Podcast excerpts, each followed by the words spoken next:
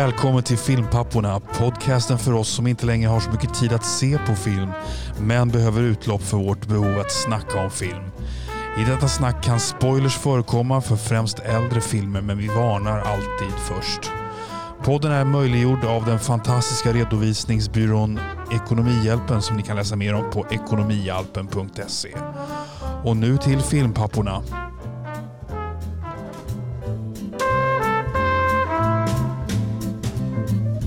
Du sitter och förbereder in i det sista Oliver. Du är så dedikerad på det här. Jag, du har, det är inte en sekund mellan förra avsnittet och det här som du inte har suttit och förberett det här avsnittet.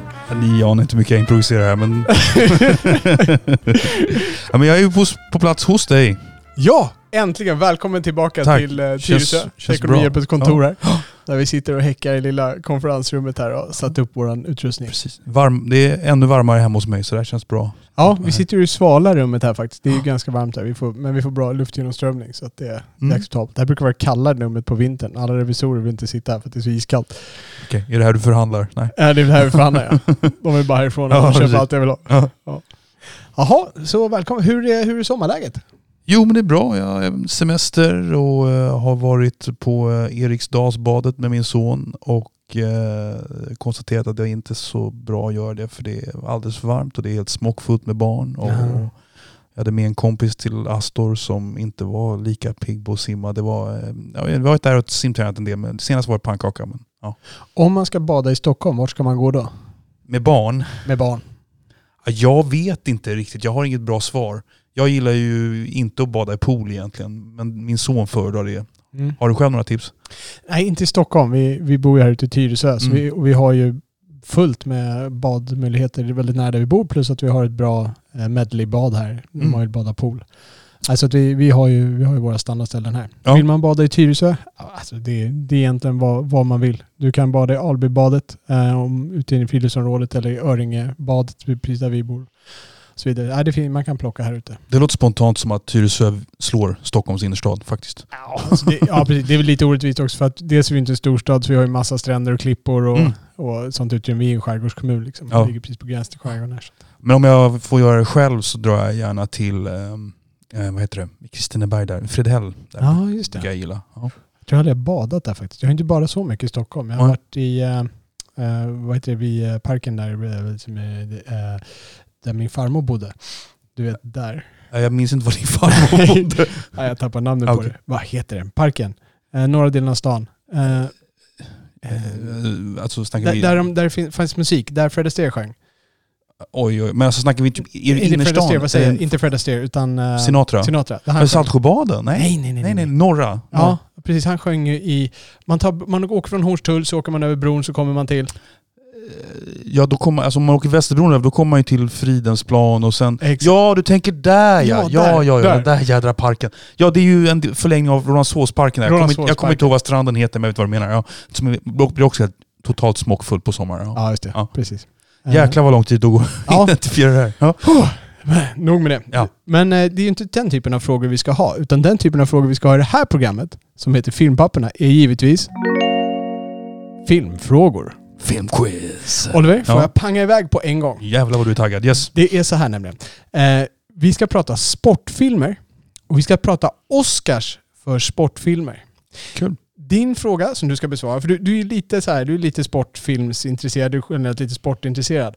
Och det jag vill ta fram är att du ska berätta för mig vilka sportfilmer har fått Oscar för bästa film Oj. sedan 1980 till och med dags datum. Och låt mig definiera sportfilm. Eh, till exempel, eh, given sportfilm skulle ju vara Rocky. Den handlar om själva sporten.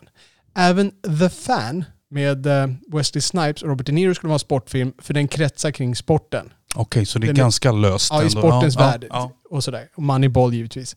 Ja. Eh, men däremot så skulle Nakna Pistolen, där de är på en match i slutet, det skulle inte vara. Det skulle inte gillas. Utan Okej. det måste handla om sporten eller kretsa kring sporten verkligen. Närheten. Fighter till exempel med eh, ja. Christian Bale. Jag kommer inte att fara så bra på det här känner jag. All right. Det är så här. Mm. Du ska få nämna ehm, filmer och du måste stanna liksom när du känner att nu, det här är de enda filmerna. Två bommar. Du får guld på första, får rött på andra, då åker du ut. Och jag, får singla fram, jag ska singla fram fyra, för det är nej, fyra. Nej, eller? jag har inte sagt fyra. Nej. Eh, utan jag säger att... jag ska du, identifiera fyra. ja, du, nej, du ska inte identifiera fyra. Du ska identifiera hur många det är. Det kan vara noll, det kan vara en, det kan vara två, det kan vara tre, det kan vara fyra, det kan vara fem, det kan vara tio. Okej, Så och vi snackar här nu bästa film, inte bästa regi, bästa film. Bästa film. det är som producenten får pris för. Eh, exakt. Ja. De fick Oscar för bästa film. Sen 1980. Sen 1980 till dags dato. Åh herrejädrar. Vi har alltså Eh, typ 30 filmer. Okej, så först ska jag gissa hur många det är. Du, du, du får börja nämna filmer. Nämner Okej. filmer som är fel får du en bom. Okej. Och det betyder också att du, om du hittar till exempel, om det skulle vara tre stycken och du hittar tre stycken och du fortsätter, då får du bomma där. Okej, så du men- måste stanna på Ja, det stället. ja, Raging Bull. Raging Bull säger du. Ja. Och det är 1980 framåt. Ja. What the fuck? Jag vet ju att, att Scorsese har bommat varenda regi-Oscar tills han till sist fick en, en tröst-Oscar. Men jag tänkte den producentpriset kanske han- de fick, men det fick de alltså inte. Nej. De fick inte Oscar för bästa film. Ja, men vad heter den där då med, med The Natural med Robert Redford? Oliver, du åker ut väldigt snabbt ur den här Ja, just det. äh, frågesporten. Ja, det ser man. Eh, Raging Bull, det, det var ju 1980 där och eh, den förlorade till Ordinary People. Det är en väldigt bra film. Jag har för mig att den även förlorade i regi. Eh, det, det, det gjorde den givetvis eftersom han har inte fått någon för regi. Han fick, eller han fick, fick han för Hugo sen eller någonting sånt där. Ja men alltså nu pratade vi ju, jag, jag, jag, apropå, den förlorade alltså mot Ordinary People både i regi och i bästa film. Jaha okej, du menar så. Ja, nej precis. Eh, det vet jag, regi vet jag inte, det ser jag inte framför mig. Ja, men jag, jag, vet- jag vet Ah, att det är så. Ja. Right. Yes. Okej. Så då fick han dubbelspö Har- där. Det är en väldigt bra film, Ordinary People. Ah. Med Robert De Niro. Nej inte Robert De Niro, Robert Redford regisserade här bra familjedrama. Jaha okej. Ja, jättebra. All right. Ja, den har jag inte med på radarn. Jaha, så du, du lyckades inte plocka någon film alltså? Ja, men alltså jag kunde ju välja, jag visste ju inte, jag fick ju bara två chanser. Jag funderade på den här, heter den Field of Dreams med eh, Kevin Costner? Ja, det heter filmen, men den var inte nominerad, Nej. eller nominerad ska jag inte Okej. svara. Den vann i alla fall Okej. inte. Sen funderade jag på The Fighter, möjligtvis. Uh, Field of Dreams var nominerad 1989 men förlorade mot Driving Miss Daisy. Vad, vad sa du sen? The du? Fighter, som du sa. Som du The upp. Fighter. Eh, ja, den var nominerad 2010, förlorade mot King's Speech. Ja. Sen tycker jag Homeboy med Mickey Rourke ska få alla priser, men den fick inga vet jag. ja, den fick nog några hallonpriser där. Ja, ja, det finns Razzies. Ja. Ja, nej men alltså, sh, alltså märkligt hur, hur, hur eh, vad lite instinkt jag hade kring det här. Eh, vi har alltså fortfarande inte hittat dem vinnarna. Nej. Så 1981 var den ena filmen. Mer känd för sången, låten. Med Chariots of Fire. Ja. Jag visste inte ens att den var... hand- Vad, handlar den om? Det är en engelsk film. ja, det handlar om två löpare som ska delta i OS. Den ena är ehm, vad man idag skulle kalla starkt religiös. Eh, och du vet, han, eh, på söndag är det sabbat, då vilar man. Okej. Eh, han är katolik tror jag väl. Eh, och då, då är det typ finalen är på en söndag eller någonting Mm. sånt där. Och det är based on a real, real life Ja, det, är- det är baserat på verkliga händelser. epok. Eh, tidigt 1900-tal, Okej. 1920, Ja, I England. minus 10. Ja, Ja, det, det är väl det är, OS, det är två engelsmän, det är två ja britter. okej. Den andra, han är liksom mera så här, uh, he's a machine liksom. Okej. Ska, han, han kör på teknik och allt sånt där och han skiter i sådana där saker liksom. Okej. Eh, och så är det deras, eh, deras resor, deras eh, inre resor liksom och moralen som de möter på där. Det känns som en Robert-film. Jag vet att du har refererat till den förut och du gillar musiken. Och Ja. Jag gillar också musiken. Jag känner till musiken mer än, än filmen. Ja. Just det. Ja, den, eh, den är bra. Den är inte så fantastiskt bra, men den är bra. Jag, som du säger, det temat tilltalar mig. Ja. Okej, så vilken är den andra då? Den trodde jag att du skulle kunna. Det här, den här hade jag plockat, men den andra trodde jag att du skulle plocka. 2004 var det. Eh, nu ska vi säga 2004, bästa film. Ja, var det Million Dollar Baby? Helt korrekt. just Million det. Dollar Baby vann bästa Oscar. Och återigen där blev Scorsese snubbad. Eh, ja. Vad vad- åkte han på då? då? eh, vad sjutton hade han gjort för film? Kom, ja, men han hade gjort någon ganska erkänd film och fick däng av Clinton just. Eh, Vi ska se, The, The Aviator. det, ja, precis. Ja. Ja, precis. Eh, Men, eh, jag, jag, men du har hållit isär bästa regi och bästa film. De tangerar ju varandra rätt ofta jag Ja, det. jag tittar på listan för vilka som vann Oscar för bästa film. Okej, ja. Mm. Interesting. Ska jag skjuta? Ja, Ja. vi eh, släpper över det. Jag, jag kan bara säga, jag blev lite förvånad över hur få sportfilmer det var. Mm. För när jag tänkte tillbaka, alltså, det, det som utgick från det här, det var liksom att shit vad många sportfilmer det är som är det. Jag tänkte på Jerry Maguire, jag tänkte på massa så filmer som jag vill minnas har fått Mm. priser. Och jag började egentligen på skådespelarsidan och trodde jag skulle hitta ett plethora. Mm. Men när jag först började på manliga huvudroller, noll. Och sen fick jag gå ner på manliga biroller. Då hittade jag två. Morgan Freeman fick för Million Dollar Baby och jag kommer inte ihåg vad den andra var. Liksom. Men det känns som att här, de här uh, Hollywoodfilmerna om, om sport, de har en ganska hög lägsta nivå ofta men kanske inte har världens högsta högsta nivå. Nej, de når inte hela vägen fram. Så, det är reliable concept Ja, kan man absolut. säga. Ja. Men jag släpper över bollen till dig och Yes. sätter fingret på rätt svara-knappen här. Ja, faktum är att jag har också en sportrelaterad fråga. Oh. Eh, lite, jag visste inte vad, jag, jag tänkte, jag, jag ville hitta något som liksom kan förena dig och mig lite grann. och då kom jag upp på den eh, högst, högst seriösa sajten Entertainment Weekly. Oh, här nu är vi uppe i... Som 2015 Mhm. rankar eh, så många film performances, eller de har rankat 23 performances, eh, gestaltningar av box, boxare på film. Okej.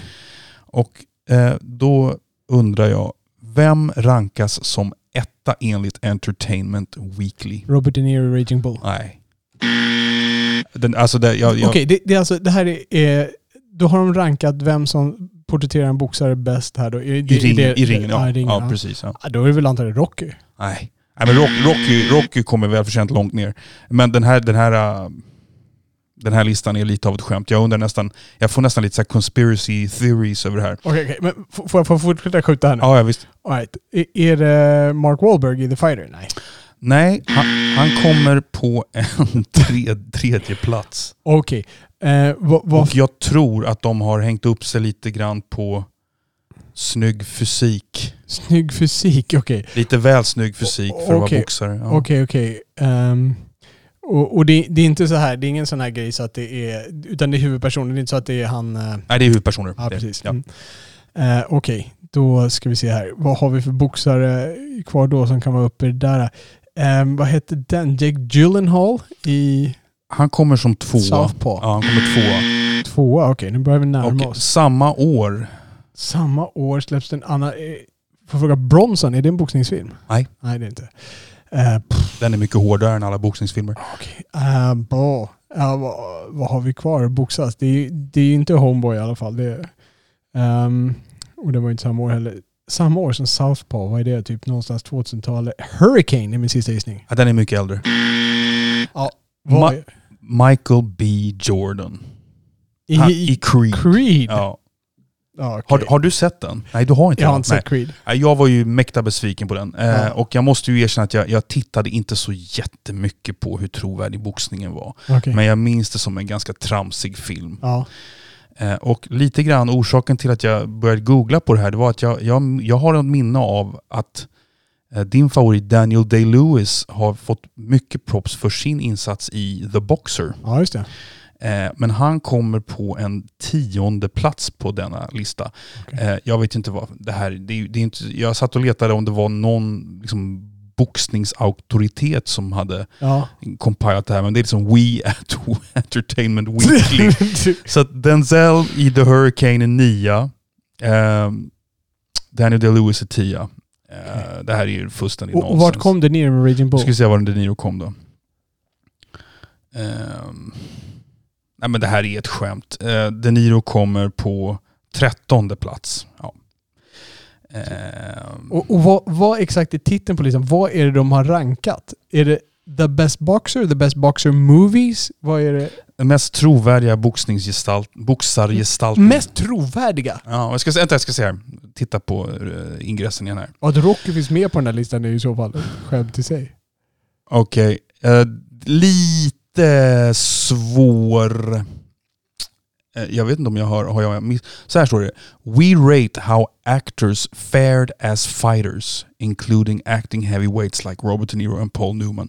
Actors as boxers, champs or chumps. Eh, och sen har de ju då... ehm, ja. Hur bra de lyckades som boxare i filmen. Ja, alltså hur... Ja, jag vet inte. Ja, Det här är en... Jag, jag vet inte, det känns som att jag valde det här lite som en rant på hur oseriösa Hollywood är bara. Amen. Vi spikar kistan på det. Ja. Låt oss gå till en eh, seriös frågeställare med veckans lyssnarfråga. Och vi har ju vår absolut mest seriösa frågeställare Alex som ju har eh, pepprat oss med frågor och vi har typ en, eh, vi har en bioskuld till Alex som heter duga. Jag tror han är uppe i ett hattrick nu här nästan. Hattrick, jag tror det här är typ sjätte, sjunde frågan. Ja, men typ. Om man inte räknar. Douglas ställde ju en fråga och vi bjöd ju in honom så det var ju... Ja, Men eh, det är några avsnitt nu. det var ett mer grandiost svar kan man säga.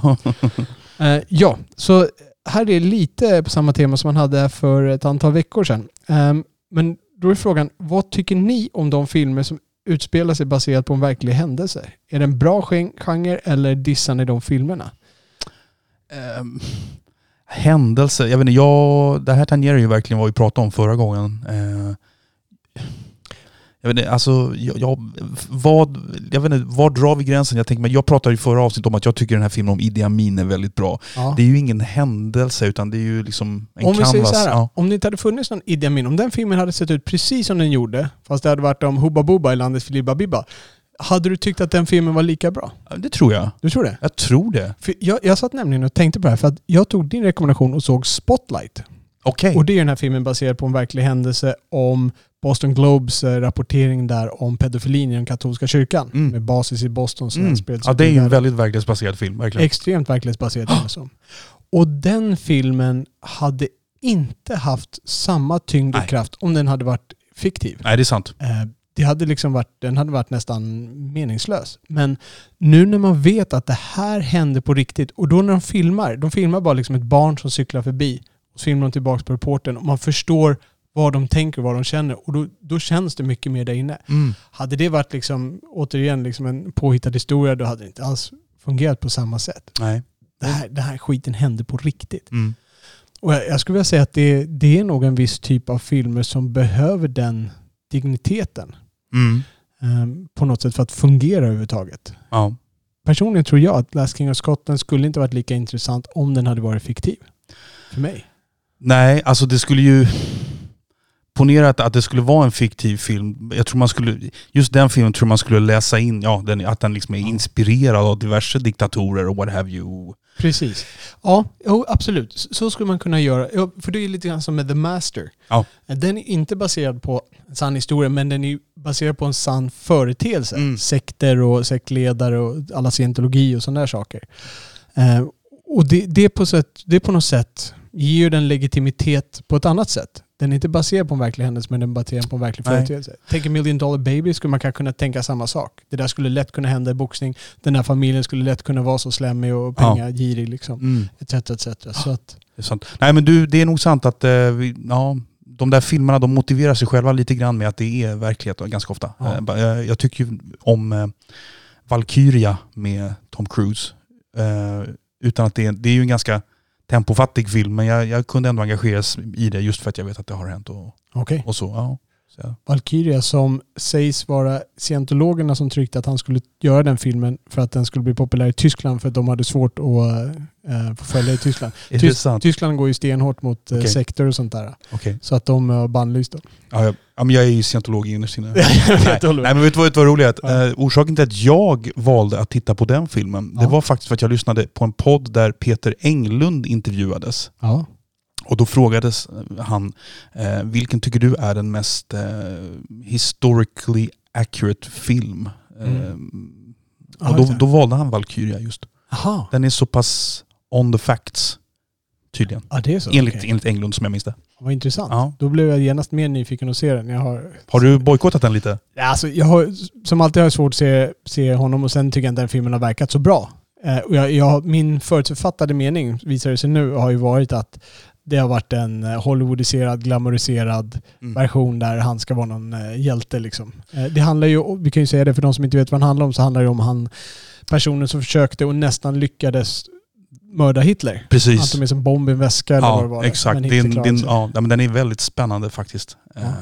Men det där är ju, ja, det är intressant att du säger med scientologer. Jag vet att det, det där, jag förknippar den här filmen med någon slags eh, liten eh, down, en liten nereperiod i Tom Cruise karriär. Helt Det var väl samma vända som han hoppade i soffan hos Oprah Winfrey och vad det Ja, var. Och, det.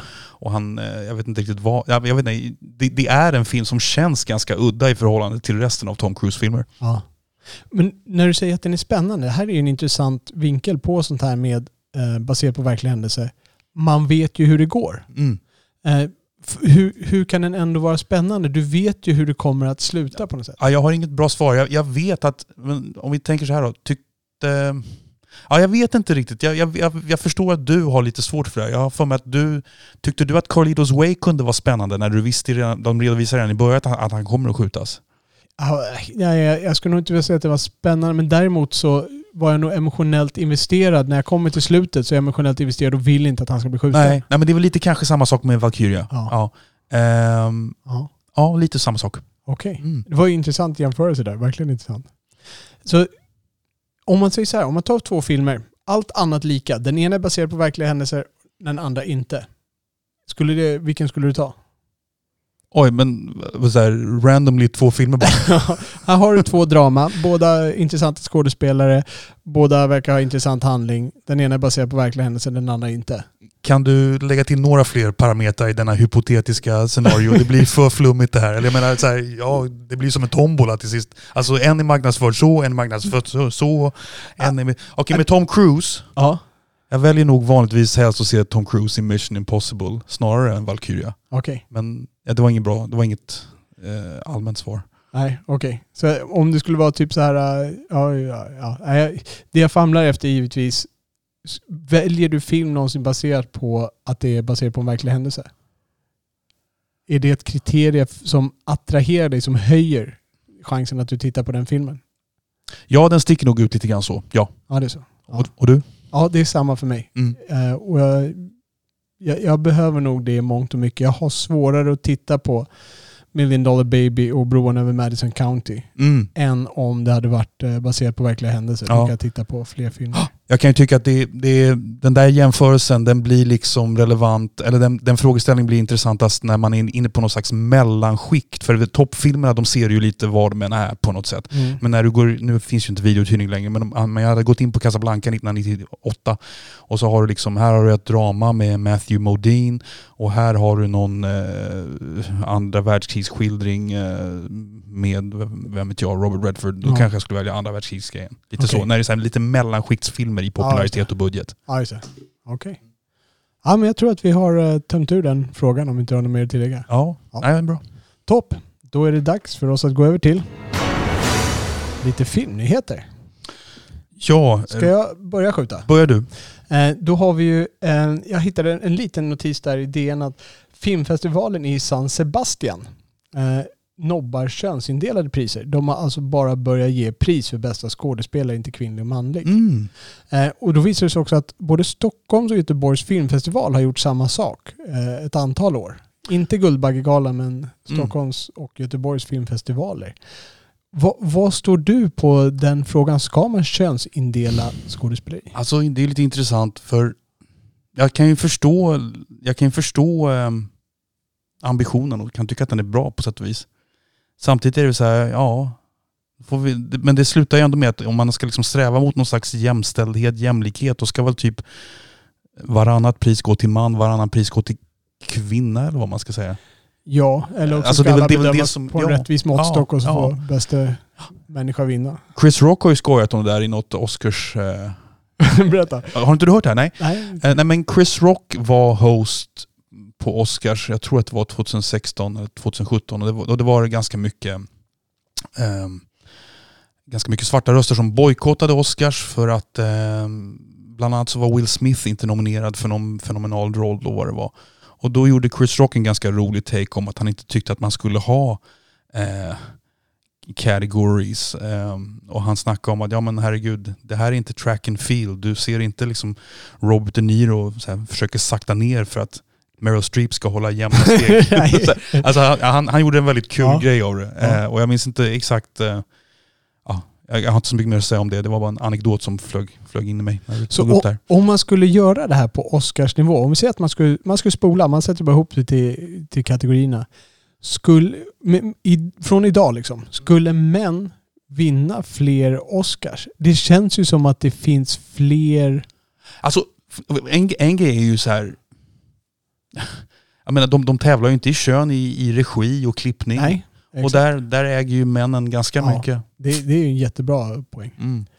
Och det jag tänker på är att det finns ju också det här i Hollywood att kvinnor när de kommer över en viss ålder och utseendet börjar förändras på ett visst sätt, då får inte de lika många roller. Nej. Eh, och det är väl så fortfarande Mm. till en stor del. Och det, det ligger väl dem i fatet. Det skulle ju vara, liksom, om det var samma sak för Jack Nicholson, då hade han liksom varit spolad mellan för, Mm. efter 40, en fyller 40 eller någonting sånt där. Liksom. Ja, Jag, jag, tyck, jag tycker det är ett fint alternativ. Jag tycker det är ett fint initiativ men jag tror kanske inte riktigt att det bär rätt eller vad man ska säga.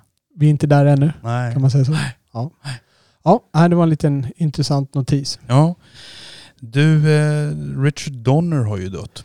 Ja, en eh, stor del av min eh, barndom, eller Ja. min uppväxt. Mainstream-kungen. Alltså det här snackar vi liksom en regissör vars filmer är kändare än han får man väl säga. Ja, Liksom, faktiskt. Om man snackar, du pratar ju om George Lucas och Steven Spielberg och de känner ju alla till men det är inte alla som vet vem Richard Donner var. Nej, och på något sätt om man växte upp som kille på 80-talet så som jag gjorde, då var det ju, det var Spielberg, det Mm. var Zemeckis, Lucas och sen var det nog Richard Donner som hade de flesta filmerna där. Jag vill lägga till en till i det där gänget. Ja, Eh, vad hette han? Eh, John McTiernan.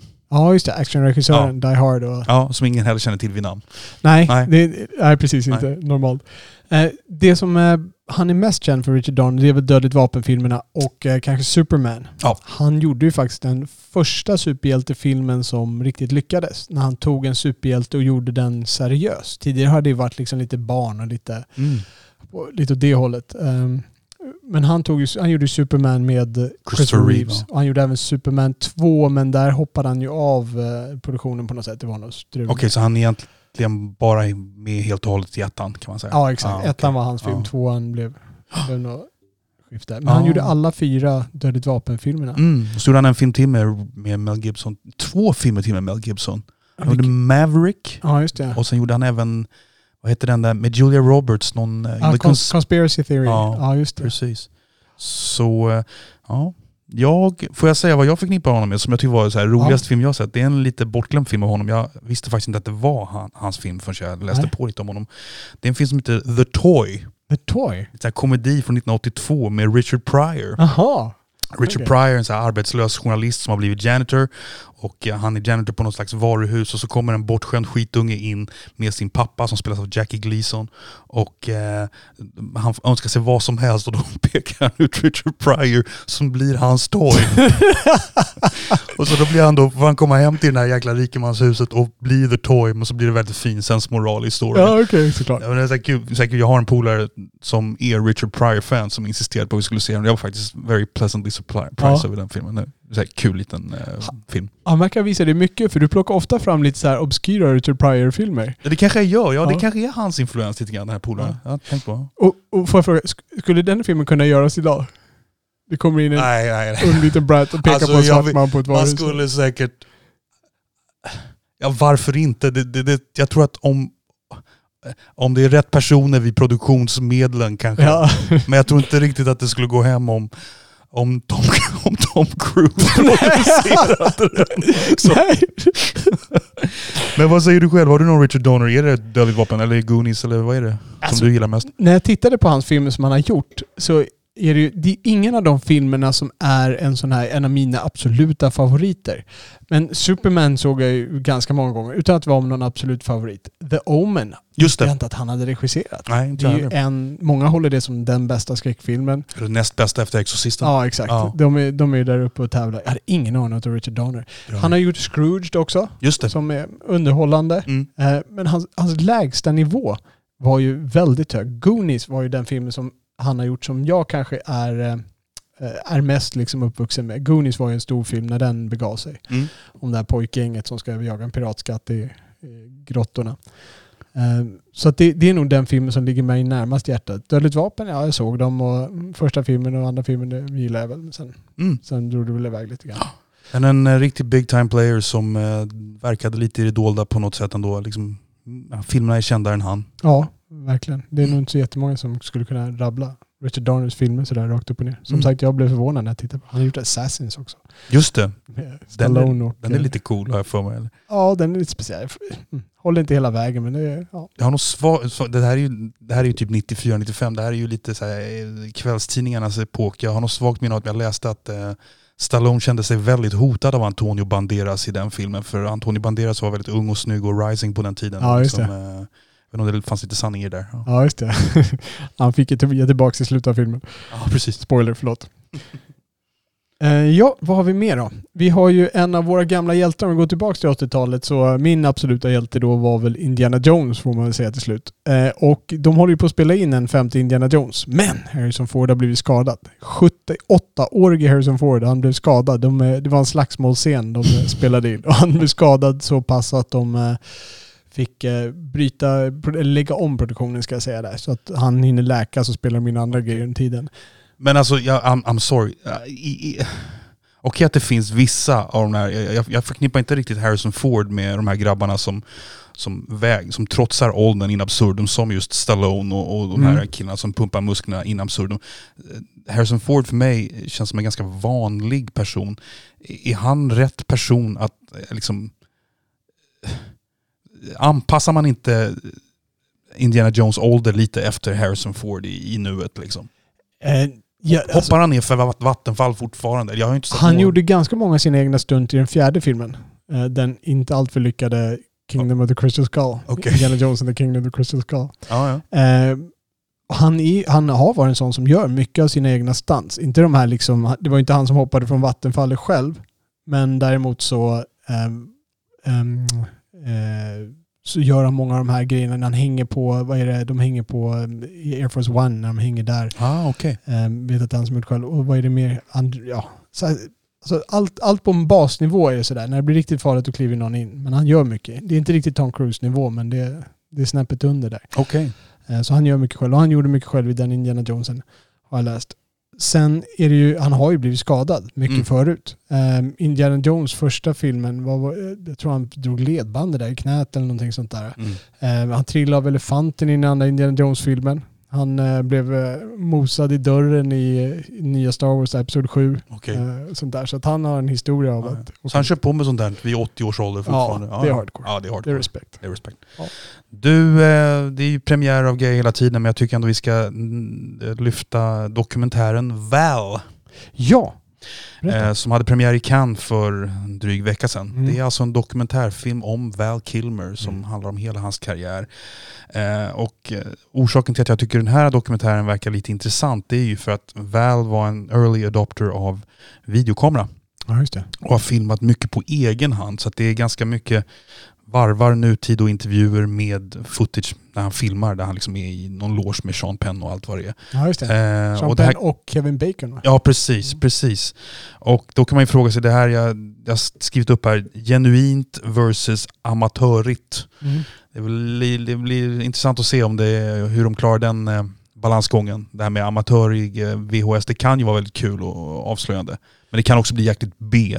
Jag vet att jag, när jag såg den här, um, den här dokumentären om Maradona som kom för några år sedan, så är det ju väldigt gammal tv-footage. Och det kändes som att filmen var lite svag på grund av den. Jag vet inte hur det blir i det här fallet. Ja, just det. Nej. Jag, jag såg, dock, jag såg eh, trailern till den här. Har Mm. du sett den? Nej, eller Nej. jo jag har sett lite av det. Ja. De verkar ju gå mycket efter sentimentalitet. Ja. Ehm, alltså det, det verkar vara en ganska känslomässig grej för honom. Han, han ser tillbaka på sitt liv. Det är den känslan jag verkligen fick. Han är väldigt öppen med hur mycket han då har försummat och tror jag, fru och karriär och gjort fel och varit lite av en maverick. Liksom. Ja. Eh, Och sådär. Och ja, eh, jag tycker ju Val Kilmer, ingen enastående skådespelare men bra i vissa lägen. Mm. Jag tycker ju om honom i Heat och jag tyckte om honom i The Doors också. Intressant att se på nästan alltid. Ja. Han är karismatisk, Mm. får man säga. Och ehm, Top Secret gillar jag. Vad är bästa skämtet i Top Secret? Alltså det skämtet jag kommer ihåg mest, Ja? det, det, är något, eh, det är något skämt där någon plockar fram någon slags dildopaket och så är det en glad leende familj på omslaget. det är det jag minns mest. ja.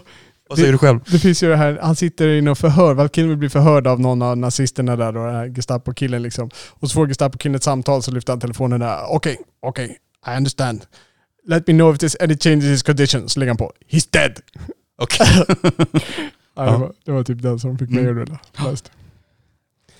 Eh, ja, nej, så att uh, dokumentären väl. Jag försökte faktiskt till och med kunna hitta den och streama den, men den fanns inte att streama ännu. Uh, är den på Amazon eller? Nej, ja, det verkar som att den släpps i USA. Det, alltså på, för att den, men då, då, finns den bara på Amazon i USA. Jag kollade här i Sverige överallt, men mm. det fanns inte okay. tillgängligt. Eh, Tarantino tänkte jag prata lite om. Men vad kul, ombytta roller. Ja, jag läste lite en, en artikel nämligen där han nämnde en sak lite i förbifarten. Det här, det här är egentligen en ganska liten parentes, men som jag tyckte var intressant.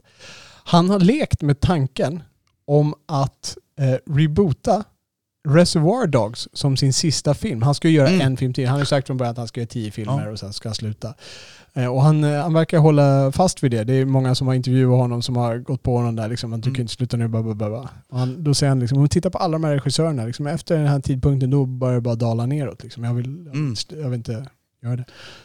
Ja, ja men jag, jag har ju faktiskt, han har ju varit gäst hos Joe Rogan ganska nyligen i, i podd. Ah. Och pratade oavbrutet i tre timmar. Jag, jag lyssnade faktiskt på ganska mycket av podden. Ja. Och han pratade bland annat om det där. Att han hade tänkt på det. Men nu, det han sa då, det var väl mer att han kanske tyckte att den var det var liksom inte bara, ja, okej jag är, en bättre, jag är en bättre regissör nu och materialet är så pass tidlöst och jag kan stoppa in andra skådisar och det skulle vara kul att se hur man utvecklar och sådär. Men sen så, som jag minns det så var han inne på att nej, det här kanske snarare blir en, en pjäs eller någonting. Ja, just det. Ja. Um, lite intressant. Faktum är att jag, en, en annan nyhet jag hade om Tarantino, det här är inte jättenytt, men han har ju gjort en bok av Once upon a time in Hollywood. Ja just det, det ja. såg jag notis om. Och jag tänker mig att den är säkert mycket, mycket, mycket intressantare än filmen. Jag ja. tänker mig att det, det, är ett väldigt mycket mer tacksamt koncept att utveckla i, i, i bokform. Men alltså, som jag förstod det, jag, jag läste inte ens noga, är det här en skönlitterär version av historien? Alltså, som jag, jag förstod det, var, ja. det, var det lite mer alltså, att han hade skrivit lite mer om Hollywood på den tiden? Oj, jag är inte påläst. Jag, jag har bara snappat upp att han har skrivit en, någon slags skönlitterär bok okay. av det här. Och han, är, han har, verkar väldigt in innördad på det här um, familjen Manson och ja, sekten. Ja. Får jag fråga, fick Joe Rogan en syl i vädret när Tarantino var ja, men Joe Rogan är duktig på han är, att, han är verkligen duktig på att liksom låta folk uh, flyga iväg och vet när han ska klippa in och, och fråga om grejer. Och, nej, jag, tyckte, mm. jag tyckte Joe Rogan gjorde sitt. Jag tycker Joe Rogan är, mm, det är en konst att vara en sån här som inte är så jädra kåt på att framhäva sin egen personlighet utan bara låter en annan människa mala på om det är intressant. Ja, så. Ja. Jag lyssnade ju på en intervju på Empire när det var en, en uh, intervjuare på Empire som intervjuade Edgar Wright och Tarantino tillsammans över någon skabbig ledning. Och då den här reporten han, han han, han sa bara välkommen och sen sa han hej då liksom i slutet. Allt annat var ju bara Edgar Wright och Tarantino. Mm. Där. Det blir inte heller bra. Nej, jo, eller? det blir ganska bra. Ja. Alltså, för det, det, det, var ju, det man ville höra var ju dem liksom. Och de, ja. de drev på det där så mycket. Edgar Wright tog ju liksom lite, eh, lite rollen där. För han, han hade viss eh, sån här reporterroll där. För han gjorde ett samarbete med Empire då. Men förlåt, vem, vem är Edgar Wright? Det är... Edgar Wright, han är filmregissör som har gjort... Straight Time, är det han? Det är han som har gjort de här Shaun of the Dead, Hot Fuzz, World's End. ah, just det. Okay. Och även den eh, mindre lyckade Scott Pilgrim. Engelsmannen. Ja, exakt. Just det, men du har pratat om honom tidigare i något sammanhang. Han jobbar mycket med i, det här, i den här kontexten med Empire, va? eller? Nej? Ja, han, eh, han, eh, han gjorde det under en tidsperiod. Jag, jag tror jag nämnde det mm. där. För han gjorde, skapade ett, han gjorde ett reportage, alltså ett ganska långt reportage där om under pandemin. Just det här om bions vikt. Och han intervjuade han, Spielberg och massa sådana här. Och Tarantino var en av de som inte kom med liksom i tidningen. Så då, för att han, de fick inte upp schemat. Så då gjorde de en, mm. en ja, en poddintervju med mm. honom efteråt istället. Ja, men det är klart att uh, har man Tarantino som gäst, uh, Tarantino sköter väl, liksom, höjer väl nivån upp till 90% och sen så är det reporten, intervjuaren som ska stå för 10% för att liksom ja. få det att flowa på något Precis. sätt. Men jag tycker ju alltid, jag har sagt det tidigare, jag tycker det är roligare att höra Tarantino prata om filmen och se hans filmer these days. Exakt. Ja. Jag håller med faktiskt. Spielberg är min sista nyhet på min lista. Um, det är ju, han var, gick ju för, tidigare ut och var kritisk mot streaming där och det skulle vara bio och bla bla bla. Men nu har hans Amblin Partners, hans bolag där då, har eh, signat en, en deal med eh, Netflix om mm. att de ska mm. släppa filmer där. Eller släppa innehåll i alla fall. Det är väl inte helt såklart vad, exakt vad det blir. Så att han har eh, vänt sig till den mörka sidan kanske om man ska gå i en serie. Jag, har, du någon, har du någon känsla för sånt där liksom? Eh, vad menar du med känsla? Alltså det menar, är det någonting som, som, är, som bär emot för dig? Liksom, att de gör, att de signar upp med de här? nej, men det som är ju det, ja, nej, men ja, det, man får acceptera utvecklingen lite Ja. grann.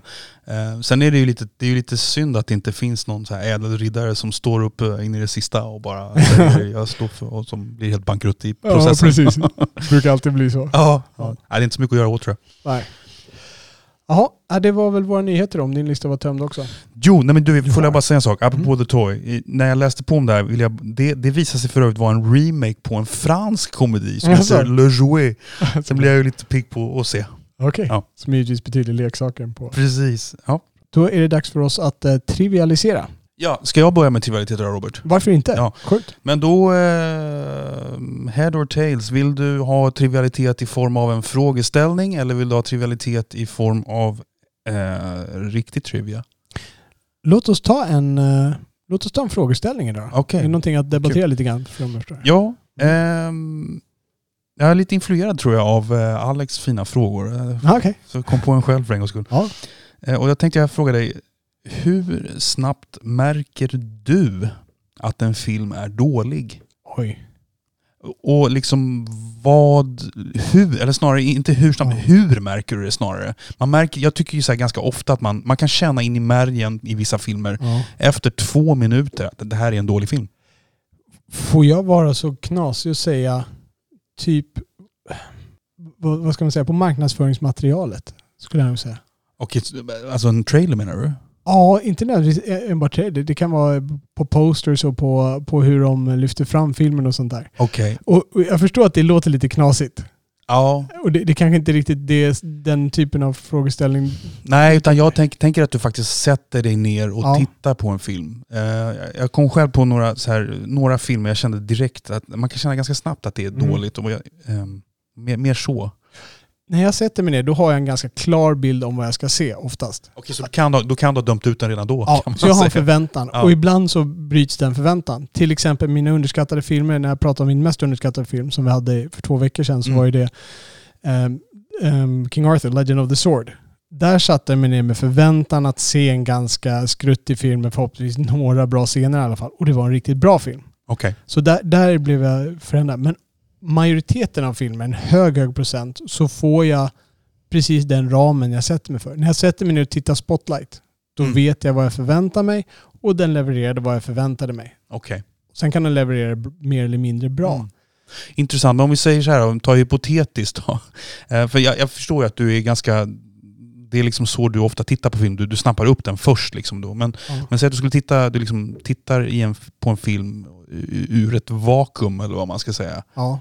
Säg att du bara slår på SVT och det råkar vara en film. Tänk, ja det här... eh, Jag ger det här en chans. Ja. ja då, då, är det en film jag verkligen inte har hört någonting om så, så vet jag. Alltså, då, då, då, tar det nog, då tar det nog längre tid. Alltså på något sätt måste den ha fångat mitt intresse om jag tittar Mm. på den. Det är lite svår fråga att få. Mm. Det är några filmer, alltså, jag kan ju, det är, typ, jag ser ju aldrig film i ett vakuum. Det närmaste jag kommer är som nu, jag, jag och min fru satt oss ner och tittade på Barmen Star Goes to Vista Del Mar.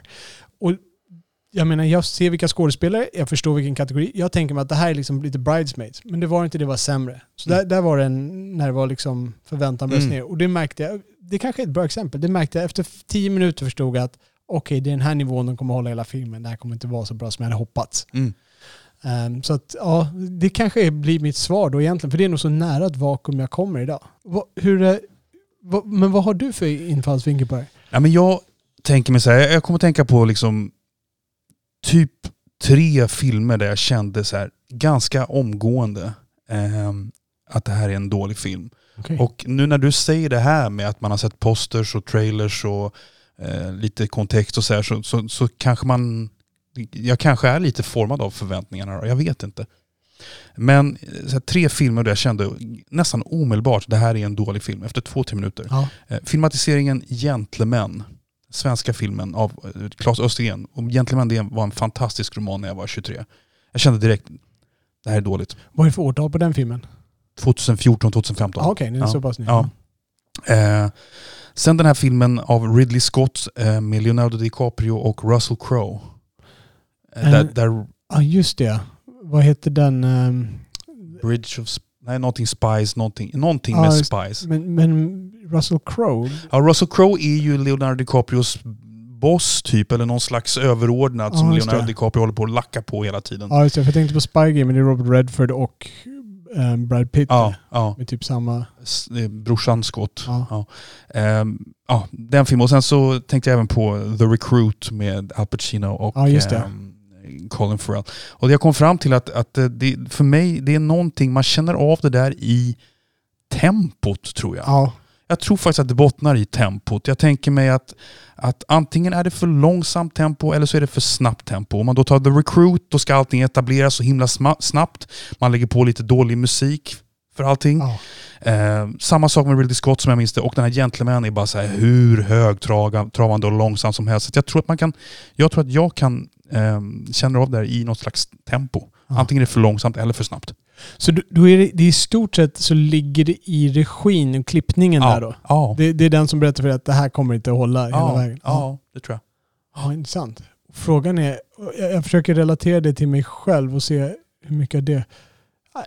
Ja, alltså jag, jag bänder nog hela tiden mot förväntningar. För jag, jag, kan gå, jag kan ju hyra en rulle som jag inte tror kommer vara särskilt bra, men jag vill se den av en annan anledning. Ja. Ehm, ja, så för mig bänder det nog mot förväntningarna helt, hela tiden. Ehm, Mm. Där. Ja. Mm. ja, men intressant Ja. eh, frågeställning. Ja. Vad hade du för trivialitet då? Jag hade, har nämligen eh, anskaffat ett antal olika abonnemang. Vi har typ prenumererat på nästan alla av de stora streamingtjänsterna nu. Under period. Det var egentligen så här, ehm, vi skulle se någon film och då skulle vi hyra den. Då kostade det typ 30 kronor till så kunde vi få Amazon Prime en månad jämfört med att hyra den på, på Blockbuster eller på Microsoft Store eller någonting. Eh, och så, det skedde ett par gånger så till slut satt vi där och vi hade då Netflix, Viaplay, HBO, Disney och Amazon. Och har tidigare haft C More. Oj. Och det är typ alla de stora. Det finns ju Tree Art och det finns SF Kids och sådär. Men det är väl ingen av de stora jag missar i Sverige då. Hur mycket blev det i månaden? ja, det, det är inte så... Ja, det, det, det blir ju fast det blir pengar. Det är ju fast 500 spänn i månaden eller någonting sådär. ja, det blir lite grann om man håller på sådär. Ja. ja. Men eh, så, så jag, satt och, jag satt och utvärderade de här lite grann och jag blev förvånad över hur dålig Amazon var. Jag, jag trodde Amazon, de satsar ju lite grann här i Sverige nu. Dels så ska de ju lansera Mm. Amazon, själva stora tjänsten, att du kan handla på butik här i Sverige.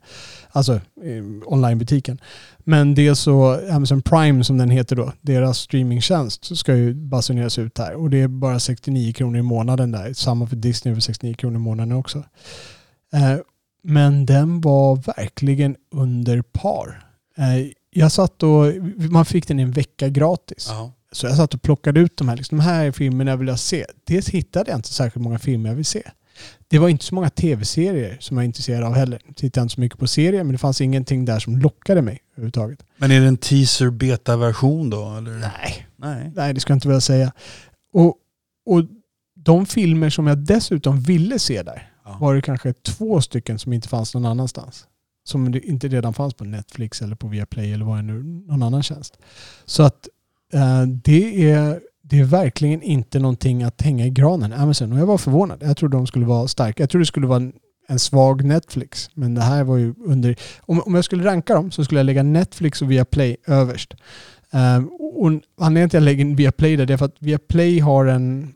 De har inte samma bredd av bajsutbud. Netflix har ju liksom ett stor bas av liksom Mm halvjunkiga filmer där man kan hitta några pärlor. Det saknar ju Viaplay, men toppfilmerna tycker jag via- jag hittar lika mycket intressant på Viaplay som på Netflix. Jag håller med. Uh, tvåa ska jag sätta HBO Nordic. Och nu, nu tänker jag filmer. HBO Nordic har ju absolut bästa serierna om man bara skulle göra så. Men sett till filmer så har de faktiskt många kvalitetsfilmer som saknas på andra streamingtjänster. Där hittar du lite guldkorn. Du får, ska man ha högre än så liksom, då får man gå till TreeArt och de där Mm. typen Jag håller med att de har lite mer alternativt i förhållande till Ja. Netflix. Disney var inte heller... Jag, tänk, jag har hela tiden tänkt att shit, Disney kommer äta upp det här. Men de var inte så himla starka när jag gick in på deras sajt heller. De har givetvis hela sitt Disney-utbud, vilket numera inkluderar Marvel, Star Wars, eh, förutom deras egna Pixar och Disney-filmer då. Men alltså bortsett från de filmerna var det inte så mycket annat att hänga i granen där. De har ju tagit in Nomadland. Um, så att Nomadland finns hos dem. Eh, och de kommer väl säkerligen stärka sig. De har ju en bra kassa bakom sig. Eh, Sen, sen är Amazon och sist Seymour skulle jag sätta. Seymour är verkligen en svag tjänst för film. Mm. Eh, Den har varit mest för sport och jag misstänker att den kommer bli uppäten snart eller gå ihop med någonting annat. Alltså att, och, och, och det sista jag vill säga om Amazon är att deras spelare fungerade inte särskilt bra. Jag fick ofta problem. Eh, oavsett, jag, jag testade olika. Jag testade deras, eh, bara spela direkt i webbläsaren. Jag testade att spela med apparna. Eh, på mobilen, på datorn. Det var ingen större skillnad. Jag testade även deras Xbox-app. Um, det, det var problem med den. Den, eh, den stannade, man fick ladda om, jag fick stänga av, stänga ner, starta om liksom hela appen och knappt funkar det då igen. Så att uh, Amazon verkligen under par. Okej. Förvånansvärt. Jeff Bezos, om du hör oss, skärpa dig lite. Ja, en kammare. Sluta åka upp i rymden och se till att lösa problemen är på jorden först. Upp i rymden, det var... Vilka är de som tävlar? Han och Branson. Var det Branson som var uppe där nu och hade ja, touchat? Elon Musk tänker jag också. Elon Musk. Ja. Ja, just det. Han, han, vill, han är väl den som är mest seriös. De andra ska vara uppe och, och åka flygplan i rymden. Han ska bygga en hel koloni på Mars. ja, han är lite mer osäker. Ja, Ja. Han har ju byggt, fast han, han, gör ju saker på riktigt. De andra är bara uppe och flyger. Mm. Jaha, ska vi gå in i en massiv filmrecensions sektion? All right. Ja, det är så här. Vi, vi har ju faktiskt inte skvallrat lite om vilka filmer som kommer idag. Det kanske vi borde ha gjort i början. Eh, Jag har fyra filmer Ja, jag har en liten film. Härligt. Eh, Jag har sett ganska mycket film. Men jag har valt att recensera då lite, vår stil har valt att recensera de, eh, de som är lite nyare. Okej, Ska jag börja eftersom jag har en sån här liten catch-up gammal film? Ja. ja. Vad har du för en catch-up-film? Ja, men jag skulle se med min son Ja. och så gick jag, jag hade verkligen frågat jättemånga människor vad ska jag se som liksom är bra för barn och kul för mig och allt sådär. Ja.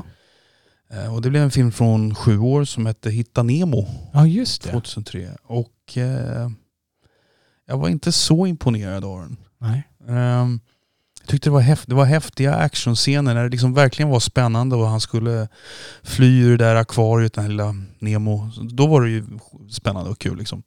Men liksom hela upptakten till hur han mister sin mamma och eh, det där i början. Jag tyckte inte att det var så fantastiskt berättat alltså. Nej. Nej. Så bara kort för de som inte vet, vad handlar Nemo om? I allra kortaste. Ja men eh, Nemo är ensam med sin pappa. Eh, för mamman och alla andra fiskägg blir eh, exterminated på något sätt i början där. Ja, just det. De blir uppätna. av- Ja. Så det blir bara Nemo och pappan då. Så det är en fin liten kärlekshistoria mellan so- son och pappa kan man säga. Och så eh, rövas Nemo bort eh, och hamnar i ett akvarium ho- hos en eh, tandläkare i Sydney, Sydney. ja, Han har utsikt mot eh, operan där. Ja, det. Eh, det är storyn. Och han delar eh, akvarium med en fisk som har en svensk röst av Persbrandt. Ja, det var lite, det var lite underhållande att höra på Persbrandt faktiskt. Vem gör Doris röst där? Doris är en fisk som hjälper pappan. Och, Ja, det var ingen, jag, jag kollade faktiskt inte upp några namn, Nej. jag bara, jag bara hörde att det var Persbrandt. Liksom. Okej. Det är en ganska distinkt röst. Liksom. Ja. Men den, du, vad tyckte din son? Han tyckte den var ganska kul. Han, Ja. han tyckte den var bra. Han tyckte inte den var... Jag vet inte, var det, det var någon jag kände som vars, vars son tyckte, blev skitledsen av det. Var det din son? Ja, ja. Det, vi, vi eh, är skitledsen är nog att ta i. Han blev ganska ledsen. Det var en annan Det var Ice Age som han blev jätteledsen av. Ja. Och inte vi stänger av den anledningen. Men han blev nog lite berörd när, ja. när mamman dog i slut- början. Men sen framförallt alltså när det började med hajar och sådana grejer. Det var lite för läskigt. Men då var han ganska liten också. Jag tror Ja. jag tittade när han var tre eller fyra. Eller Ja, ja, min son är fem, snart sex. Ja. Så, nej men han, alltså den var, ju, den var ju roligare än mycket annat som jag tvingas se ihop med Ja. honom. Men, och han tyckte den var kul, så mission accomplished så. men ingenting, jag, jag letar fortfarande efter någon sån här eh, barnfilm som jag ska tycka är riktigt kul. Okej. Ja. Får se sen. Jag, jag kommer ju recensera Raya och den eh, sista draken Mm. eh, idag. Den har Eh, faktiskt jag och min son sett på bio. Ja, så jag det? kan eh, Ah. flika in lite vad jag minns och sådär. Ja. Ja men det är bra. Då, då, så om jag förstår det rätt, Remo är ingenting du rekommenderar för barn, barnstunden? Nej, inte, inte om du som vuxen vill ha underhållning Nej. också. Nej. Jag skulle nog säga att idag är jag nästan lite på samma spår. Alltså för när jag satte på Nemo så kommer jag ihåg någonting annat än vad den var. Jag kommer ihåg att jag hade en ganska bra stund på bio med den. Men jag tror att, jag tror att den har åldrats lite grann. Ja, den är ju 18 år gammal. Ja, Ja. och det är många filmer som har tagit koncept och gjort det mycket bättre. Mm. Men då var det nog lite nytt. Ehm, många nya grejer. De här måsarna tyckte jag var jätteroliga och finurliga då, men nu känns det lite gammalt. ja. Vad, vad är det de säger? På, vad säger de på svenska? De, de säger någonting hela tiden. Säger de mat, mat, mat? Att det låter precis som... Just eh, det, precis så. Ja. Ja. Ja, måsarna var en av höjdpunkten. Det tyckte jag. Ja. Ja. Ehm, ja, jag ska börja med att lansera en hel armé av döda. Och då pratar jag givetvis om... Army of the Dead. Har du sett den? Ja. Nu har jag sett den. Jag Fan, tog kul. mig tid. Ja. Och det här, återigen det här med förväntningar. Jag gick in med det här med ganska låga förväntningar. Jag har zombiefilmer. Alltså det fanns någon svag förhoppning att kanske han skulle återuppliva lite av Dawn of the Dead-magin som Zack Snyder regisserade i början av sin karriär. Som var en riktigt bra zombiefilm.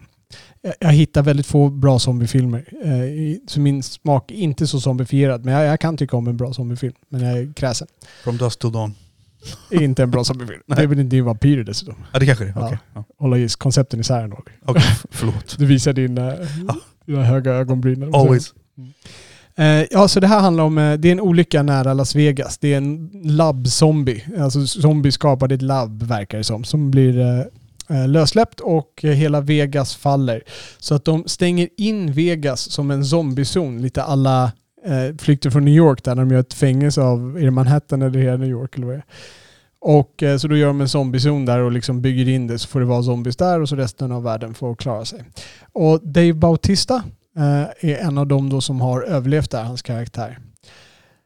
Eh, det börjar med väldigt snabbt kastas man in i att eh, han får erbjudande om att göra en stöt i Vegas. De ska ta sig in i Vegas. Det finns ett bankvalv där nere där det finns en jäkla massa pengar. Och nu ska de nämligen göra så att de ska spränga de här zombierna. De ska typ eh, släppa ner en atombomb och bara blasta bort dem så att zombies försvinner för alltid. Okej. Så att eh, då måste de in här. De har x antal timmar på sig att ta ut de här pengarna då. Och den här, de kommer få behålla en ganska stor andel av de här pengarna. Eh, och liksom ha pengar för resten av sina liv. Och de är alla lite neddankade. Eller alla. Det börjar med Dave Bautista och sen går han och samlar gänget. Eh, letar upp de här rätta personerna att hänga med in. Och så tar de sig in i, i Vegas och eh, ska då försöka genomföra den här stöten. Eh, det, är, det här är verkligen Zack Snyders film. Det är han som har skrivit, han har regisserat, han har till och med varit director of photography på den. Som jag berättade en gång. Ja. Ja, precis.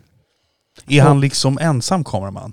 Nej. Det, det tror jag inte. Nej. Nej. Men han är, han är director of photography. Ja. Så det, Mm. Han är ju säkerligen second cameras.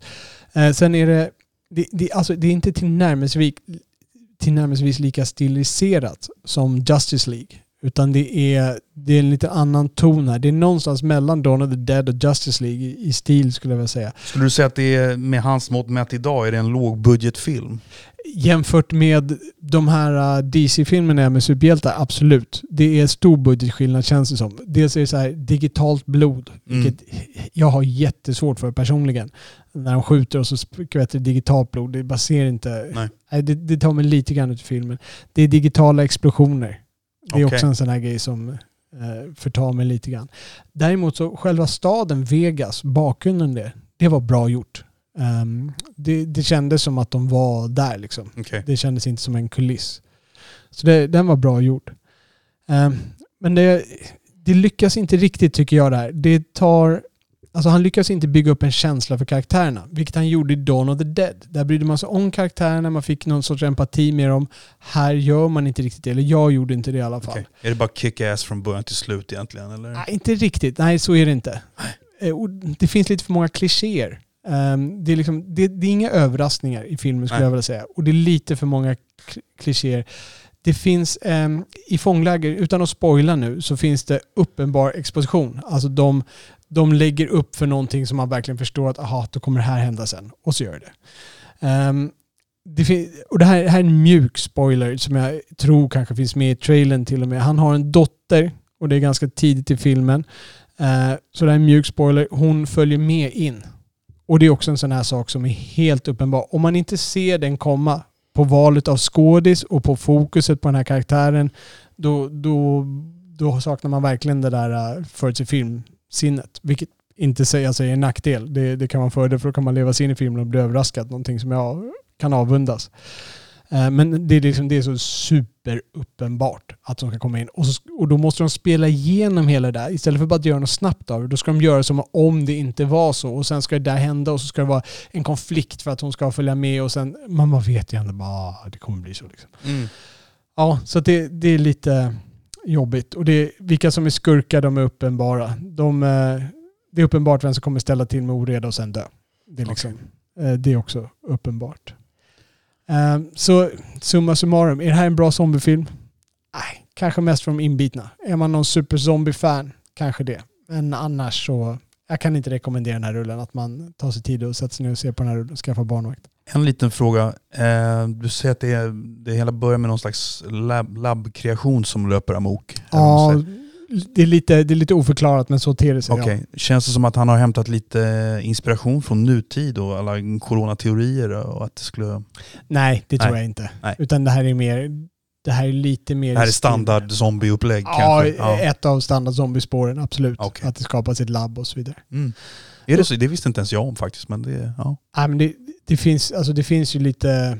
Det finns lite olika spår man går. Det är inte alla som förklarar var det kommer ifrån Nej. sådär heller. Nej. Som det förklaras. Men det här är, det är inte ett nytt koncept. Att man ska skapa ett labb. Men ingen höjdare? Nej, ingen höjdare. Så istället, nu när jag fick eh, Amazon så såg jag två filmerna därifrån och då den ena var The Tomorrow War som är Amazons egna film. Jag kommer inte ihåg om det var Paramount som hade gjort den här inför pandemin men sen eh, blev de jätterädda och då fick, fick Amazon köpa den här för typ 200 miljoner dollar eller någonting. Oj. Ganska mycket för Mm. film. Eh, och det här är Chris Pine, eh, visst vad jag säga rätt? Mm. Eh, Jag blandar ihop alla Chris. Chris Pine som eh, ju är med i... eh, Jag tror faktiskt jag har sett någon, någon, någon poster för det här. Ja, just det. Han står i, han är lite musklig med någon kulspruta. Ja, någonting. exakt. Ja. Precis. Ja. Skulle kunna vara vilken actionrulle som helst. Jo. Eh, och han är en eh, pappa som eh, är... Ja, det kommer bli mycket absurditeter i det här. Han är en pappa som är före detta veteran, eh, före detta special ops som det heter där. Och eh, numera är han eh, biologilärare eller typ ja, någon sån där naturvetenskapslärare. Vilket krig har han stridit i då? Irak eller? Ja, Afghanistan, Ja. Irak, någonting sånt där. Okej. Afghanistan tror jag det var. Ja. Ehm, och eh, året är typ, det är typ 2022 när, man, när det börjar där då. Eh, och det som händer, där den börjar, jag kan faktiskt säga, det, det första aldrig börjar med det är när de kraschar ner och landar då i någonting som ser ut som ett mm, kärnvapenbombad stad. Liksom. Och sen får man inte veta så mycket, sen klipper det tillbaks. Eh, och det, det tänkte jag komma tillbaks till, anledningen till att jag säger det. Men eh, i alla fall, det börjar med det här och det här kommer inga spoilers som inte finns i trailersen eller som inte finns i, i storyn. Det börjar med att de sitter och tittar på en eh, fotbollsmatch, det är typ VM-finalen i fotboll. Inte amerikansk fotboll utan vanlig fotboll. Det är typ Brasilien mot... Det var, jag hörde någon som sa att det såg ut som Skottland, det andra laget. Okej, men det, det är inte, de har inte valt en, något sanningsenligt då? Eller det är 2022? Ja. Ja, det är framtiden då, förlåt. Ja, precis. Of course. I framtiden. Okej. Ja, precis. All right. Så att de, eh, de sitter och tittar på den här med sin dotter. Han har precis misslyckats med en arbetsintervju och nobbat ett jobb. Han är lite deppig men han har ändå sin dotter och han börjar känna sig lite bättre. Och då plötsligt boom, kommer det ut någon grej och det öppnas en portal där på mitt i den här fotbollsarenan och det kliver ut en massa soldater och jag vet inte vad jag ska göra. Och sen går det ganska raskt till och det visar sig att det här är soldater som kommer från framtiden. Som ska rekrytera soldater i nutiden för att ta dem tillbaks till framtiden och slåss mot utomjordingar som har kommit då. Terminator rip-off nästan. Ja, reverse kanske då. För att nu ska de ju ta med dem till framtiden och Ja, slåss men där. Lite Ja. samma Ja. variation. Fast- ja. Fast- Fast ha- Terminator, då hade det varit smart för då hade de åkt tillbaka och dödat rymdvarelsen. Och Men det, jag hänger inte med här nu Robert. Säg, säg en gång till. Vad, vad skulle de rekrytera? Åt Okej. vilket håll? Säg. så här, de kom från framtiden, 30 år längre fram. Ja. Då, då slåss de mot rymdvarelser och vi håller på att förlora. Ja. Så de har en tidsmaskin som åker tillbaka 30 år ja. För att hämta fler soldater som kan åka med tillbaks till framtiden Ja. och försöka vinna i framtiden. Ja, ja, visst, visst. Ja. Skitbra. Och, och i Terminator, hur är det där då? Jag kommer inte ens ihåg. I Där. Terminator, då skickar de från framtiden för att döda dem som motståndare ah, i just det. framtiden. Jag tänkte, men, två, men i tvåan är det lite mer som här, eller? Nej, tvåan är samma sak. Då försöker de ju döda... Ja, fast han, försöker ju sky- för han åker ju tillbaka för att skydda Edward Furlong som ska vara med i framtiden. Ja, exakt. Men alltså, i, bägge, i bägge så får... Det är ju samma koncept i bägge ettan och tvåan. Okej. De, I ettan ska de döda mamman som ska föda sonen. I tvåan ska de döda sonen. För det är sonen som kommer att leda Ah, rebellerna okej. i framtiden. All right. Jag tänkte, okej. Jag förstår. Ja. Fast, fast jag, ja, okej. Skitsamma. Vi, vi, vi gestikulerar mycket här. Ja, vi gestikulerar mycket. Ja.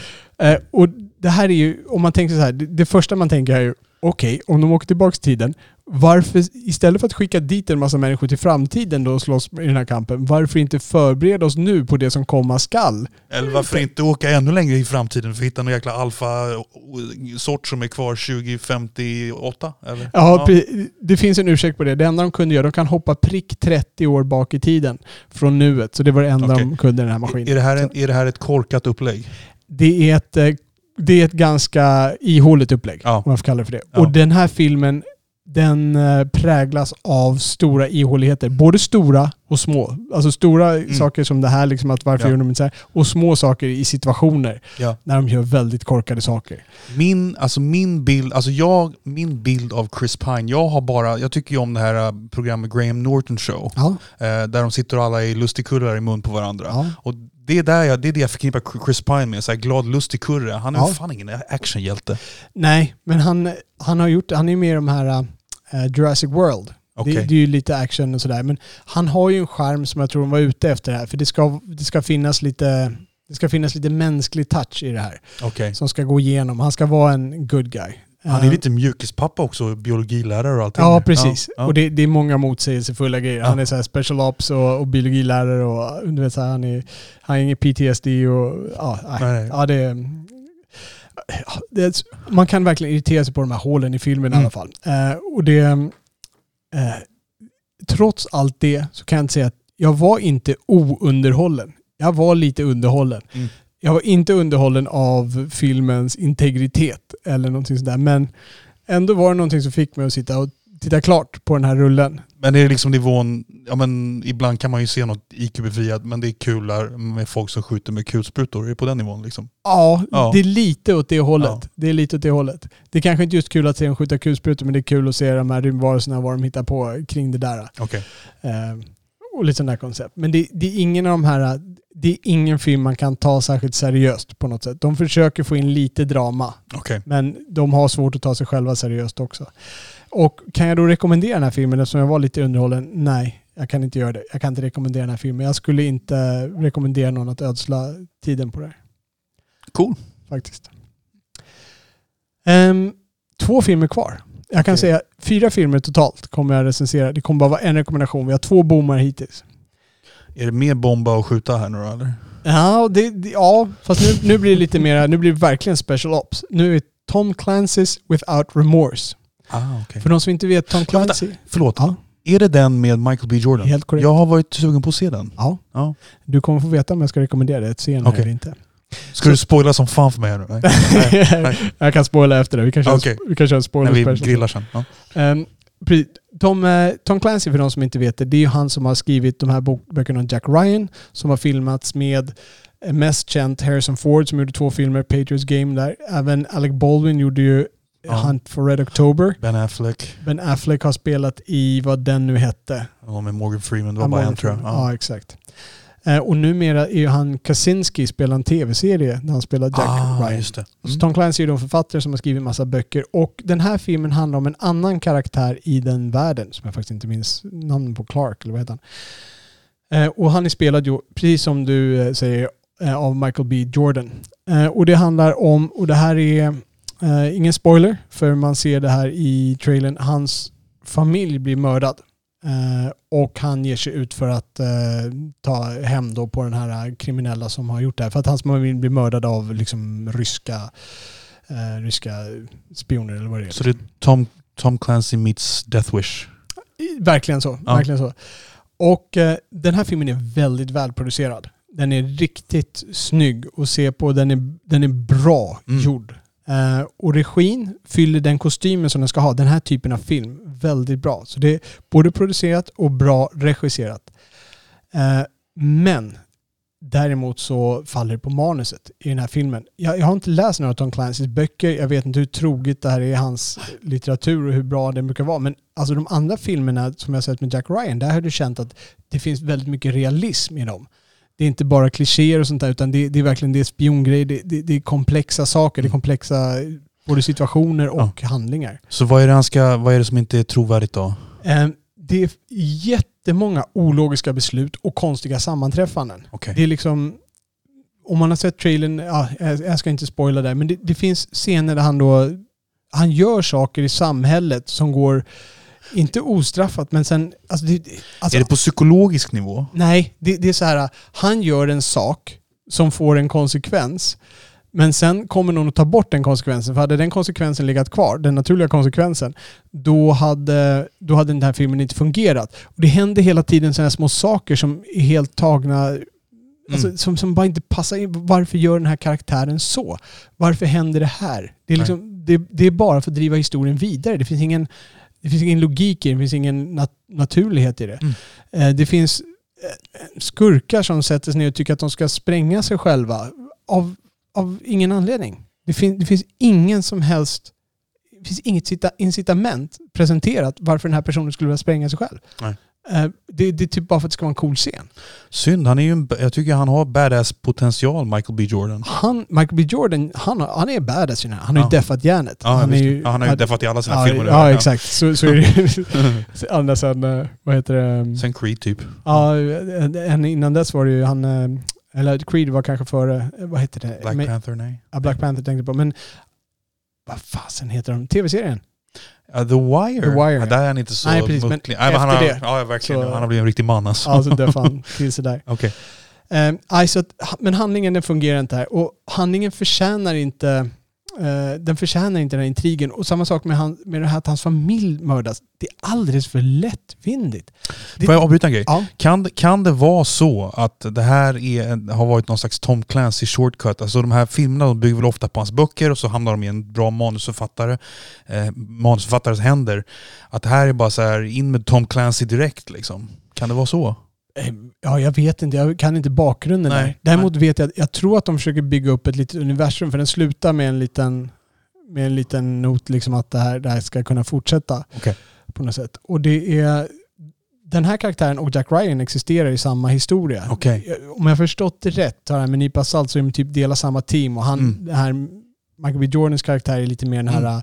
oreglerbara och medan Jack okay. Ryan är mer cerebrala som tänker och okay. handlar sen. Förlåt om, jag, om, man då si, om, man si, om det här nu är ett universum, det låter ju som att det skulle vara ganska kul i detta universum om eh, det blir någon film till med de här två karaktärerna. Verkligen skulle vara det, men ja. den, den, här filmen den, den skjuter hål i mitt intresse. Alltså. alltså den, ja. är, alltså, den är så pass ologisk. Alltså det, scenerna är verkligen Alltså det, det, är bara... Det är dåligt som Death Wish. Ja, ja. ja Death Wish hade fasen en rödare tråd än det här. Alltså, så min, illa Mindre alltså. konstiga grejer. Ja, ja, okay. alltså, där, där, förstår man liksom, där är ju skurkarna överdrivna och sådär. Ja, men här, ska ju, här ska det verka grundat i ja, verklighet. Ja men det är väl lite grann som vi snackade om där, att en film sätter sin ribba och så här. Om det här är konsekvensen då får ni väl för fasiken hålla fast vid det. Ja, att det, men, absolut. Och den här intrigen som finns där, alltså det, det, det går inte att pussla ihop den. Okay. Sen är det också, det finns en skådis som heter Jodie Turner Smith som har en uh, hyfsat stor roll där som är hans överordnade till en början i alla fall. Uh, och hon är extremt träig. Det är sällan jag brukar bli så här störd på skådespelare men här hon är extremt träig i den rollen och hon, hon tar ur mig filmen varje gång hon kommer där. Hon, ah, det var mm. inte hennes bästa dag på jobbet. Så tre misslyckade actionfilmer? Tre misslyckade actionfilmer. Jag misstänker att vi kommer till rekommendationen nu då. Här kommer vi till den. Och rekommendationen kommer att bli Raya och den sista draken. Mm. Uh, Raya and the Last Dragon som är en Pixar-film som går på bio nu. Vi gick och såg den på bio. Det var mitt första biobesök efter coronan där. Vi gick ju på och såg Tenet under corona precis innan de stängde bion. Mm. Sen så var det här första besöket tillbaks. Så det var skönt att vara tillbaks. Sitta och äta popcorn i biosalong med min son. Eh, det första jag vill säga är att det finns eh, lite alla Pixar så var det en sån här förfilm här, en kort liten snuttfilm i början. Jag har helt glömt bort vad det var. Ja, uh, ja just det. Du, ja, jag har sett den men det är ett tag ja, sedan nu. Ja. ja. Jag vill bara säga att den är fin. Jag tänkte inte nämna den så mycket mer utan det, det, får, okay. det får vi titta på. Så det Raya handlar om det är en fantasivärld, känns lite grann som Kina. Den kommer ju, jag vet inte om den är baserad på kinesisk mytologi, men den kommer, det är kinesiskt stuk på det här. Och de, det, det, kan jag säga redan på en gång eftersom vi vet att det här kommer bli en rekommendation. De har lyckats balansera väldigt bra att ta kinesiska koncept och lägga västerländsk touch på dem. Det, här har de hittat balansen och behålla någon sorts integritet för den typen av, av värld, men ändå tolka över den till västerländskt på ett västerländskt sätt som känns så att den blir lätt till, lättuggad för oss Eh, lätt att ta till sig. Eh, animeringen i den här är riktigt fantastisk. Det är fina landskap. Eh, människorna, alltså när man ser animeringar på människorna, det här har de verkligen gått upp en nivå. Alltså det, det har verkligen utvecklats. här ser man det. Alltså de här små alltså i ansiktet, de kan verkligen lyfta fram skådespeleriet nu och det börjar verkligen närma sig mänskligt skådespeleri på ett helt annat sätt. Nu är, det inte en, nu är det inte längre bara de här platshållarna för att någon som ser förvånad ut som det var kanske i Toy Story när det begav sig. Utan nu börjar man se nyanser. Man börjar kunna se djupare nyanser i skådespeleriet eh, på animerade karaktärer. Det var jag riktigt eh, imponerad över. Um, och sen är det också, det finns, om man tittar till själva historien, eh, förutom den fantastiska animeringen, så är det väldigt fint invävda visdomsmetaforer. Om man säger så. Så jag minns det. Ja. Var fina budskap. Precis. Ja. Ingenting de skriver på näsan sådär men som man ändå får med sig och kan ta till sig berättat på ett bra sätt. Och jag vill också säga att de svenska rösterna, jag brukar ha svårt för svenska röster. Jag brukar alltid tycka att amerikanska originalrösterna är överlägsna men här var de ovanligt bra. Jag tycker att de, de gjorde det riktigt bra de svenska rösterna. Um, jag kan säga att gå och se den här med svenska röster utan någon farhåga. Det här, här kan man leva med de svenska rösterna. Jag lider lite grann när jag såg Toy Story, Lejonkungen och sånt där. Men inte här, minsta, minsta lilla. Eh, den är heller inte, den är inte så dialogdriven den här filmen utan det är mycket minspel vilket du anspelar till det här, den här bra animationen. Eh, de driver den inte framåt med så mycket dialog utan det är mycket skådespeleri trots att den är animerad. Ehm, jag, jag, kan nämna det också gällande rösterna. Nu hoppar jag lite grann. Jag kom på det. Jag, jag kollade vilka som gjorde de engelska rösterna. Eh, och det finns ju en karaktär som heter Tuk Tuk. Eh, okay. Som är en, eh, en, en, en litet fantasidjur som växer upp och man kan rulla och rida på. Liksom. Eh, den engelska rösten görs av Alan Tudyk. Okay. Vet du vem det är? Nej, inte vid Nej, och jag, jag, kom på att jag borde ha listat ut en film som du kunde känna igen honom på. Du skulle känna igen honom om du såg honom. För, för det andra som inte vet så är det ju i eh, serien, eh, vad heter den då? Nu, aj, nu famlar jag efter ord. Han gjorde även rösten till roboten i Rogue One. Um, han, ja, han har varit med i massa filmer. Jag gör så här, jag lägger ut en bild i avsnittsanteckningen på Alan Tudyk. Men han spelar Tuk Tuk här, eller på, på engelska? På engelska. Ja. ja, det var lite förbisak. Nej, så det här är en väldigt fin film, eh, både i, eh, både i hantverket och i själva historien. Och jag kan rekommendera den alla med barn 7 plus. Man kan kanske ta med någon yngre än 7 plus. Men 7 plus börjar jag känna mig säker på att rekommendera den här. Du gick och såg den här med din son? Ja, det var, jag tror den var ganska ny på bio. Det var redan i april. Och vi gillade den. Jag tror vi bägge tyckte att den var lite för lång. Mm. Eh, jag satt väl och oroade mig lite. Men, men min son hängde med i handlingen och eh, några av de komiska momenten. Eh, vi var ganska, ganska positiva till den. Ja. Mm. Jag har glömt lite. Men jag, bra, bra overall impression i alla fall. Precis. Jag kom på att jag, jag gav inte beskrivning av handlingen i filmen, men det är i alla fall det, är uppdelat i fem länder. Som har blivit, det var ett land från början, men sen har blivit splittrat i fem länder. Eh, och, och, splittringen kom efter, det var, en, det var någon sorts eh, varelse, lite molnliknande varelse som höll på att förstena alla länderna. Och då förenades några drakar och räddade dem från de här varelserna. Och så har de en draksten kvar som har den här kraften som håller de här varelserna mm borta. Och då nej, händer det saker ja. med den där drakstenen då, så det bör gå illa igen. Ja, nej, men jag minns fram, det jag minns framförallt är de här metaforiska budskapen som vi kanske inte ska spoila så mycket. Nej. Utan, eh, nej. Men den här kan jag, jag kan varmt rekommendera den här. Det känns som att du är på samma mm, spår. Absolut. Ja, absolut. Vi gör den här två tummar upp till och med. Två barnvakter ja. får vi se. är, det, är den värd? Ja. Bra, du hade inget mer på din lista? Nej, jag har sett betydligt mindre film än du. Faktiskt. Om vi tittar lite framåt så tänkte vi komma tillbaka om eh, två veckor med en vanlig nyhetspodd och vi funderar lite på tema. Ja, det finns mycket att välja på. Om det är någon som har ett förslag på ett tema, skicka gärna in. Och det är samma som ni skickar in eh, när ni har eh, filmfrågor, till våra lyssnarfrågor ska jag säga. Så skickar ni in antingen på Twitter, där vi är filmpapporna, eller så kan ni gå in och bara lämna någonting i en kommentar här på vår hemsida hemsidan är länkad i avsnittsanteckningarna. Och i avsnittsanteckningarna hittar ni också allt det vi pratar om idag. Oftast med lite klipp, med lite bilder på Alan Tudyk, så man vet vem det är. Och med lite länkar till de här filmerna som vi rekommenderar eller inte rekommenderar ifall ni blir nyfikna på att ännu se dem. Vad heter Alan Tudyk på svenska? det, det är vår lyssnarfråga som vi lämnar till er lyssnare. Den som lämnar rätt svar på Twitter vinner en filmbiljett. Precis. Tack så mycket för idag. Ja, vi är väl dags att knyta ihop säcken. Och eh, om ni vill kommentera eller korrigera någonting så gör ni även det i avsnittsanteckningarna på hemsidan filmpapporna.se. Ni kan följa oss på Twitter där vi ju är att filmpapporna. Och med det så tackar vi den eminenta redovisningsbyrån Ekonomihjälpen. Tack så mycket Robert för att jag fick vara med återigen. Tack så mycket Oliver. Och tack till alla er som lyssnar. Ciao.